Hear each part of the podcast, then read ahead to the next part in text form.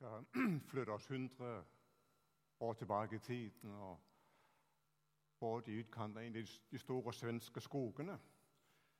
Og i, der bodde den originale der sto og så på livet. Det passerte forbi dag etter dag. En dag så stanset det et flyttelass, og en samtale kom i gang med han som sitter der oppe og styrer, og originalen som står der ved grenden. Og Denne mannen forteller at nå holder han på å flytte. Og han lurer på hvordan det er befolkningen i den nærmeste byen der jeg skal flytte. Og originalen han spør tilbake. Ja, hvordan var menneskene der du kom fra? Eh, det var ikke til å lyde å være der. Det var rent ut sagt forferdelig. Og det var derfor jeg flyttet. Så svarer originalen tilbake. Da må jeg dessverre skuffe deg. Det er det samme type mennesker du kommer til i den nærmeste byen. Så gikk det et par dager, og det samme finner på ny sted. Et nytt flyttelass med ny mann. Det sitter der oppe. Originalene står der fortsatt, og så kommer spørsmålet igjen. Du, jeg holder på å flytte, og jeg skal flytte til den nærmeste byen. Kan du fortelle meg hvordan befolkningen er der? Originalen spør hvordan var det der du kom fra. Jo, det var verdens mest snille, omtenksomme og hjelpsomme mennesker. Og det er med tungt hjerte vi flytter. Og Da smiler den gamle mannen og sier da har du mye glede deg til. Det er akkurat samme type mennesker det bor i den nærmeste byen som du flytter til. Den samme virkelighet oppleves så vidt forskjellig fra menneske til menneske den samme byen. Og til og med han vi tror på, kan oppleve så vidt forskjellig fra menneske til menneske, fra situasjon til situasjon. Vi er i gang med taleserien 'Mestermøter'. Og Vi ønsker å beskrive forskjellige møter med Jesus. Jesus møter mennesker av alle kategorier i mange forskjellige livssituasjoner. Og han var suveren til å møte mennesker. Han møtte dem med nåde og sannhet. Han møtte dem akkurat der de var med sine liv. Og Hvert møte hadde kraften i seg til å forandre, til å forvandle. Absolutt hver eneste møte med Jesus hadde den muligheten. Og så opplever vi at responsen er forskjellig fra menneske til menneske. Og Derfor blir møtet også forskjellig fra menneske til menneske. Og Det er det teksten jeg skal lese i dag, handler om. Og nå skal jeg lese den. Lukas evangeliet, kapittel 7, vers 36-50. Det er 15 vers. Vi håper du tåler å høre en så lang tekst. En av fariseerne innbød Jesus til å spise hos seg. Og Han gikk inn i fariseerens hus og tok plass ved bordet. Nå var det en kvinne der i byen som levde et syndefullt liv. Da hun fikk vite at Jesus lå til bords i fariseerens hus, kom hun dit med en alabastkrukke med fin salve. Hun stilte seg bak ved Jesus, nede ved føttene og gråt. Så begynte hun å fukte føttene hans med tårene og tørke dem med håret sitt. Hun kysset føttene hans og smurte dem med salven. Da fariseeren som hadde innbudt ham, så det, tenkte han ved seg selv. Var denne mannen en profet, ville han vite hva slags kvinne det er som rører ved ham, at hun fører et syndefullt liv. Da tok Jesus til orde. 'Simon', sa han til fariseeren, 'jeg har noe å si deg.' 'Si det, mester', svarte han. Jesus sa, To menn hadde gjeld hos en pengeutlåner. Den ene skyldte ham 500 denarer, den andre 50. Men da de ikke har noe å betale med, ettergav han dem begge gjelden. Hvem av dem ville da holde mest av ham? Simon svarte, den han ettergav mest, tenker jeg. Du har rett, sa Jesus. Så vendte han seg til kvinnen og sa til Simon, ser du denne kvinnen? Jeg kom inn i ditt hus. Du ga meg ikke vann til føttene mine, men hun fugtet dem med tårer og tørket dem med håret sitt. Du ga meg ikke noe velkomstkyss, men helt fra jeg kom, har hun ikke holdt opp med å kysse føttene mine. Du salvet ikke mitt hode med olje, men hun smurte føttene mine med den fineste salve. Derfor sier jeg deg, hennes mange synder er tilgitt. Derfor har hun vist stor kjærlighet. Men den som får lite tilgitt, elsker lite. Så sa han til kvinnen, synderne dine er tilgitt. Da begynte de andre gjester å spørre seg selv, hvem er han som til og med tilgir synder? Men Jesus sa til kvinnen, din tro har frelst deg. Gå i fred. Beatles har lært oss å synge 'Love is all you need'. Kjærlighet er alt du trenger. Og kjærligheten det er den store virkeligheten vi møter i Bibelen. Det er så fantastisk at vi kan samle Bibelens budskap i den lille Bibelen. For så høyt har Gud elsket verden, at han gav sin sønn den enbårne, for at hver den som tror på ham, ikke skal gå fortapt, men har evig liv. Ja, Gud er til og med kjærlighet han skal beskrives med et enkelt ord. Det er en kjærlighet som handler. Og Når den berømte teologen Karl Barth en gang ble spurt hva den mest betydningsfulle sannhet var i hans forskning Og Det var en av de store teologer på 1900-tallet. Så sier han det er Jesus elsker meg. Og det vet jeg fordi Bibelen forteller det. Gud skapte mennesket til å motta kjærlighet og til å leve i kjærlighet. Du skal elske Herren din Gud av hele ditt hjerte, av hele din sjel, av hele ditt sinn og all din kraft. Hele hjertet, med alle følelser. Det helhjertede, det ekte. Med hele det indre landskapet. Også viljen er inkludert. Av hele din forstand. Ja, hvordan elsker man med forstanden? Det er ikke noe med intelligens å gjøre, men det, det går på å tenke de gode tankene. Hvordan kan jeg vise kjærlighet? Kjærligheten er bevisst av all din kraft. Sett alt inn på å vise kjærlighet. Sats alt på det. Og kjærligheten er den avgjørende, eller det avgjørende i relasjonen til Jesus. Når Peter på ny skal innsettes som leder av menigheten, så er det store spørsmålet elsker du meg. Har du meg kjær? Ikke hvor stor tro har du, hvilken utdannelse, hvilken, hvilken bakgrunn, hvordan ser din CV ut, men har du meg kjær?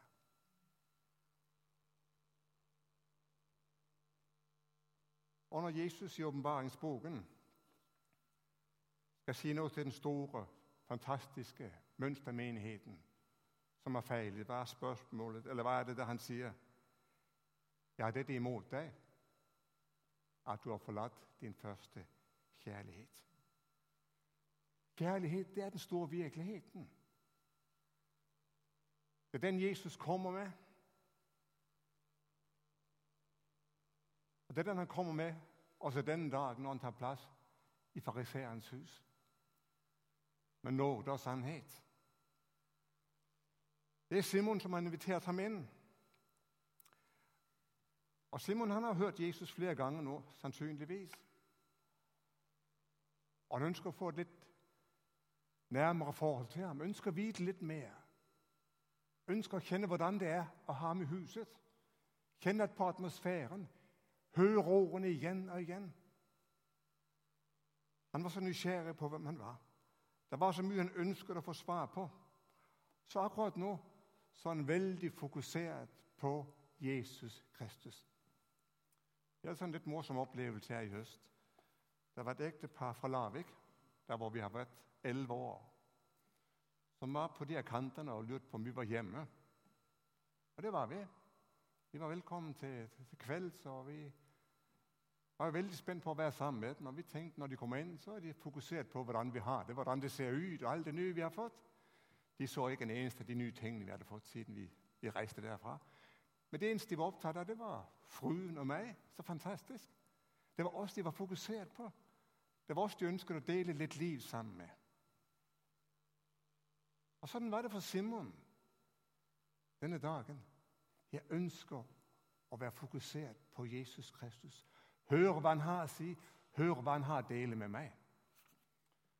Og så plutselig så endrer scenen seg fullstendig. En prostituert fra byen kommer inn og skaper skandale. Og Jeg vet ikke om vi har evne til å kunne forestille oss hvordan det har vært og kjenne hvordan Plutselig så brytes fokuset opp for Simon. Denne kvinnen Jeg vet ikke om du noen gang har møtt noen prostituerte. Sett de går gjennom byen, står, står og venter.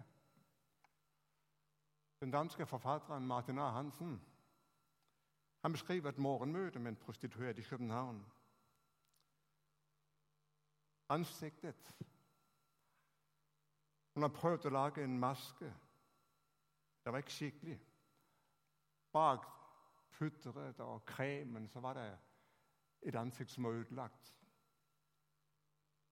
Hun var kledd billig på. Det var ingen tvil om hva, hun var. Tett inntil brystet så bar hun på et melkespann, for det var ikke noen hang tilbake. Men hun har vært og kjøpt melk, så du skjønner det er noen dager siden. Men samme det. Hun stirrer tomt ut i løften da hun passerer forbi. Og akkurat da så kommer den tanken til Martin A. Hansen. Er hun kanskje på vei for å salve Jesus? Det går ikke an å tenke slik. Men det var slik denne dagen hos Simon.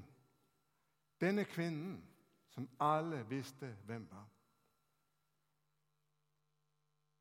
Hun bøyer seg ned, beter føttene hans med tårer, tørker håret, kysser dem, kysser føttene, salver dem med en kostbar salve.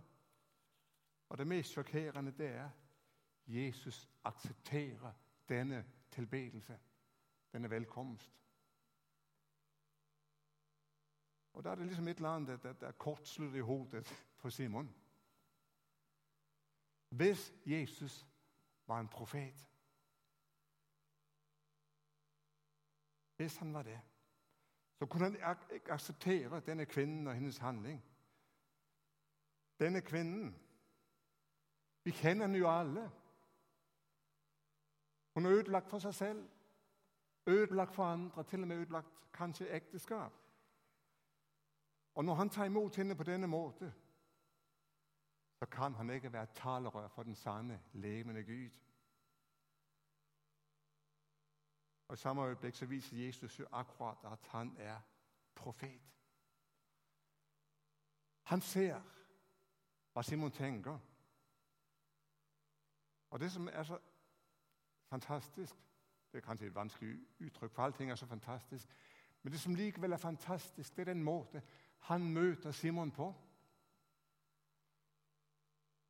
Han kunne ha valgt den direkte avsløringen. Han kunne ha valgt konfrontasjonen. Simon, nå skal jeg fortelle alle andre hva du tenker. Og Det er galt å tenke slik i møtet med Guds kjærlighet, men det er ikke slik han gjør. Han forteller en historie om hjelp og tilgivelse. Og så lar han Simon komme til konklusjonen selv. Og Det er ofte slik Jesus møter oss. Det var slik han møter kvinnen i Samaria, som han hadde fem menn tidligere. Istedenfor å avsløre henne, så sier han, 'Gå og hent din mann.' Så kommer det en samtale i gang hvor hun selv trekker konklusjonen at han er Guds Messias. Og Det er ofte slik Jesus taler til oss. Ta oss med inn. Istedenfor å avsløre oss direkte, så tar han oss med inn i sin tankeverden, inn i sin tankegang. Og Personlig så føler jeg at de ting som henger mest fast i mitt liv, det er de erkjennelser jeg selv har kommet til med hans hjelp. Og vi kunne kanskje lære litt i vår måte å møte mennesker på. Ok.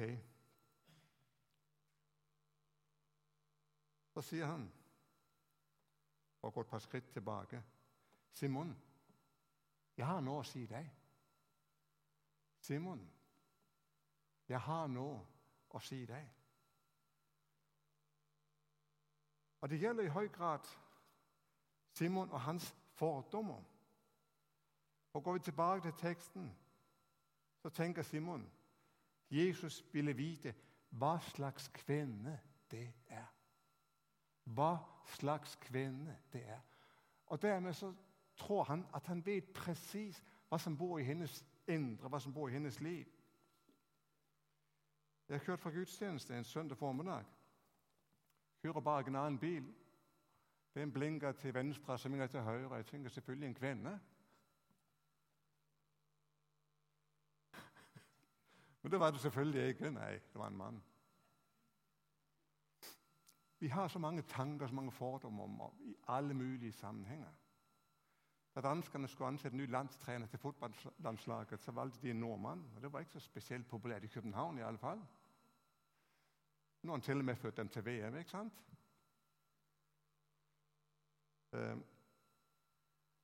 Jeg har hørt mennesker si det på denne måten. Jeg har heldigvis ikke venner utenfor menigheten.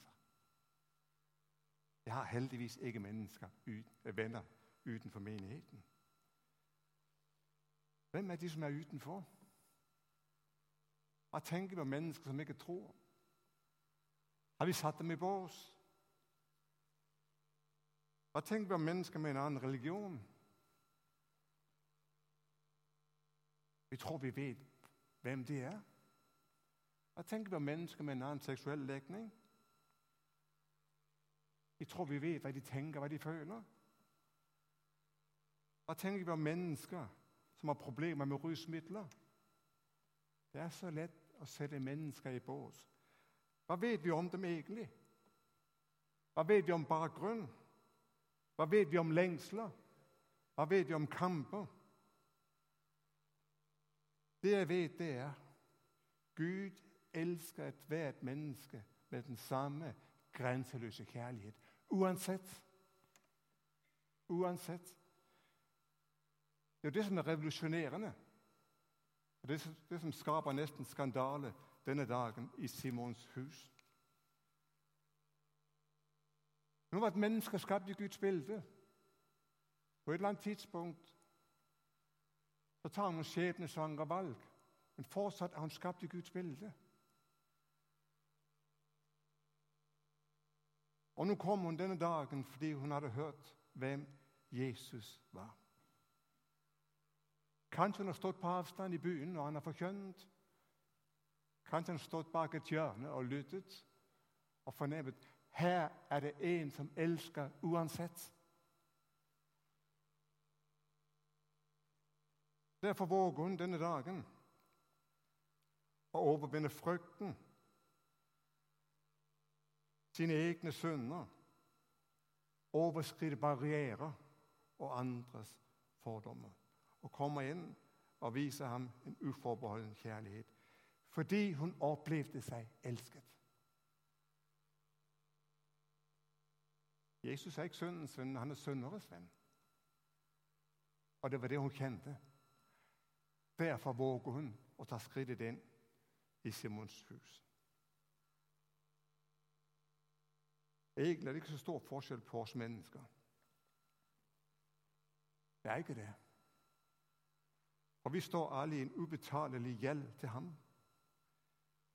I våre øyne så er det forskjell på synd. Noen har større gjeld enn andre, hva vi synes. Men felles for oss alle det er at vi klarer ikke å gjøre opp for oss i forhold til Gud. Ikke én. Det gjaldt kvinnen. Det gjaldt Simon, og det gjelder deg, og det gjelder meg. Og når vi så opplever denne kjærlighet som tilgir og gjenoppretter, kan hun ikke annet enn elske ham tilbake. Og Derfor sier Jesus, 'Den som får mye tilgitt, elsker mye'. Simon var ikke kommet til det punktet i livet sitt han var mer opptatt av kvinnen og hennes sønner enn sine egne.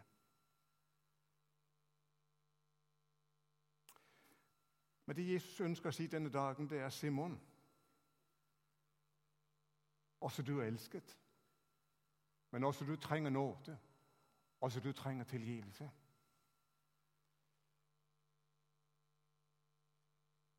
Det er en ung messiansk jøde, Simon Weil, som har sagt en gang det er hos de fortapte at minnet om fars hus vender tilbake.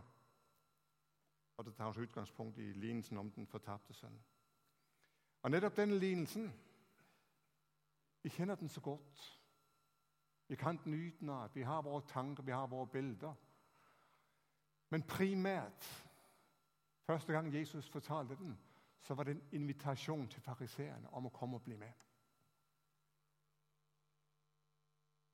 Til de som følte de maktet livet, til de som følte de hadde kontroll. Det var til dem Jesus fortalte den historien. Og Derfor kom invitasjonen til slutt. Barnet mitt, du er alltid hos meg, og alt mitt er ditt.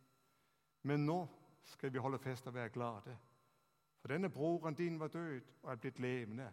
Han var kommet bort og er funnet igjen. Kom og vær med på festen. Simon, bli med. For her er det fest og glede.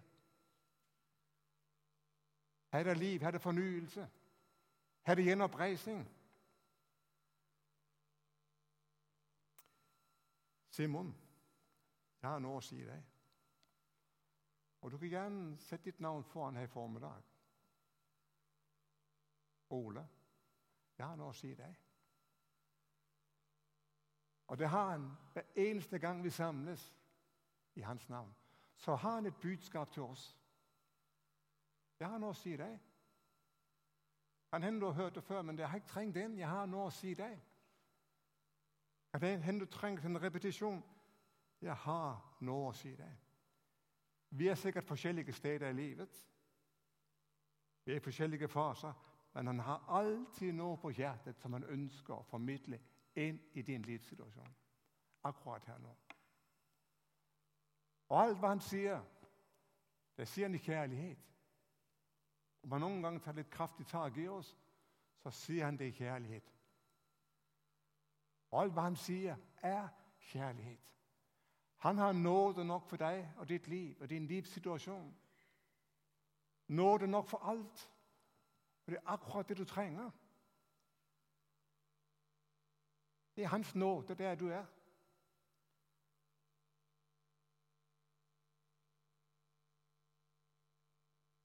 Simon, jeg har noe å si deg.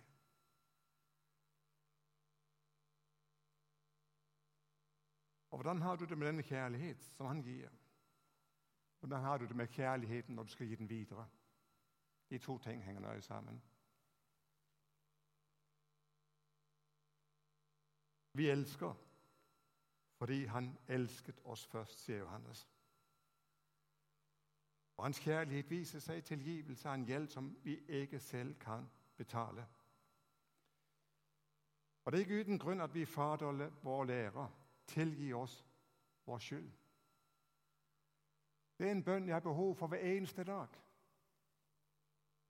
Hver eneste dag. Her også i dag må du tilgi meg min skyld. Jeg klarer ikke å jobbe for meg, uansett hvor langt jeg kom i livet. Herre, tilgi meg min skyld. Og så får jeg liksom prøve å se inn i mitt eget liv. Nå har jeg sist, nå har jeg sist bedt ham om å tilgi meg, sånn på alvor. Nå har jeg sist blitt bevisst på at jeg er en synder. Nå trådte jeg ved siden av. Nå har jeg gjort det. Det er sjelden folk kommer for å be om tilgivelse. Det er sjelden folk kommer for å bekjenne og rense ut. Er det derfor vi elsker så lite? Er det derfor det kan bli kaldt imellom oss? Fordi vi igjen går inn i fariseerens stilling. De andre de trenger det, men ikke jeg.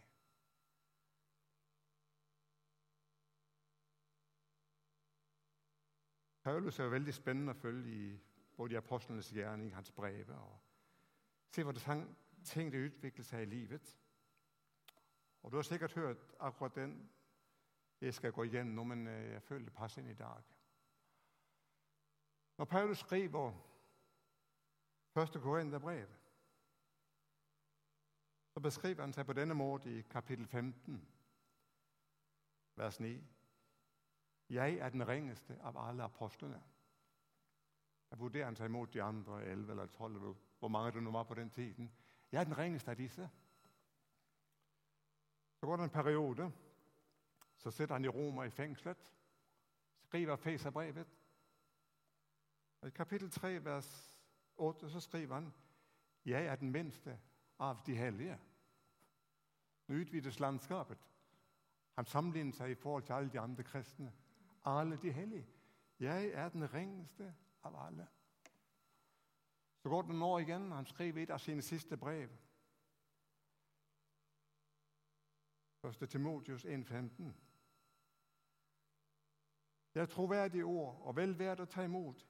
Kristus Jesus kom til verden for å frelse syndere. Blant dem er jeg den største. Snakk om en negativ utvikling i livet hans. Først var han den rengeste blant apostlene. Så var han den rengeste blant alle de hellige. Og til slutt var han den største av alle. Av alle syndere. Og Det var vel ikke slik at Paulus hadde blitt et dårligere menneske. Tviler på det. Men han har fått større og større selvinnsikt. Han har sett enda flere sykesider av livet. Ble enda bedre kjent med at jeg kommer til kort igjen og igjen. Det som er spennende å se hvis du leser de samme brev igjen, det er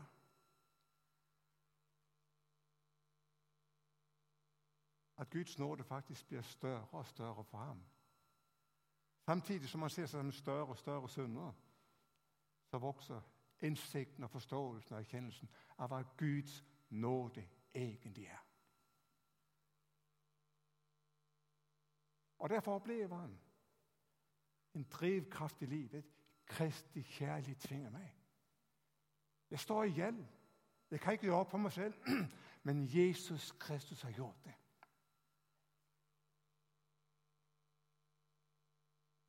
Den som får lite tilgitt, elsker lite. Den som får mye tilgitt, elsker mye. Har du sett noe av det her? Er du i livet nå?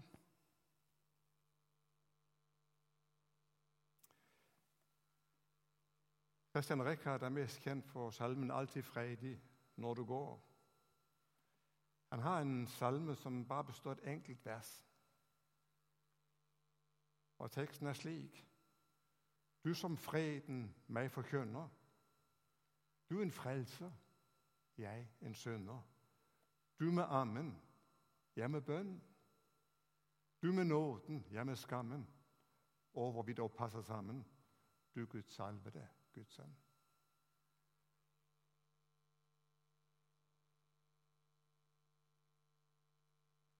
Noen ganger så vet jeg ikke hva jeg skal si når jeg står overfor den sannheten at Hans nåde er deg nok. Hans nåde er nok. La dine fordommer fare i forhold til andre mennesker. Vi består av kjøtt og blod, alle.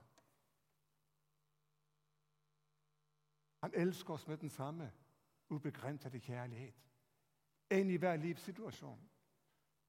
Han elsker deg her du sitter i formiddag og kanskje strever med ditt liv og ikke får det til. En kvinne med et ødelagt liv opplevde tilgivelse og frelse. En ny start på livet. Hvordan det gikk med Simon, det vet vi ingenting om.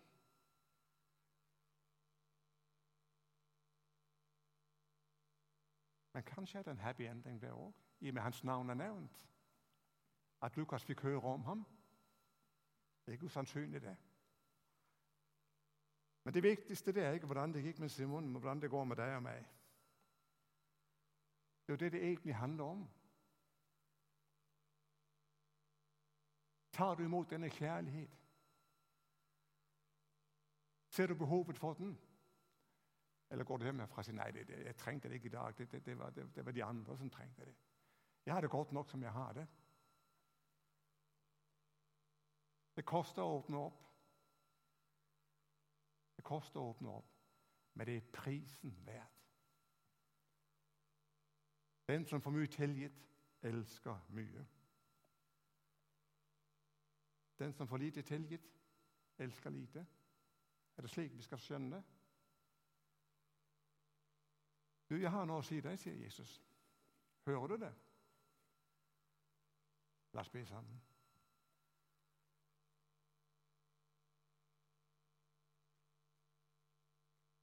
Jesus, takk fordi du har et budskap. Eneste gang vi samles i ditt dyrebare navn. Du har en hilsen til oss Berør oss på dypet. La oss høre, og la oss gi respons, Herre. Amen.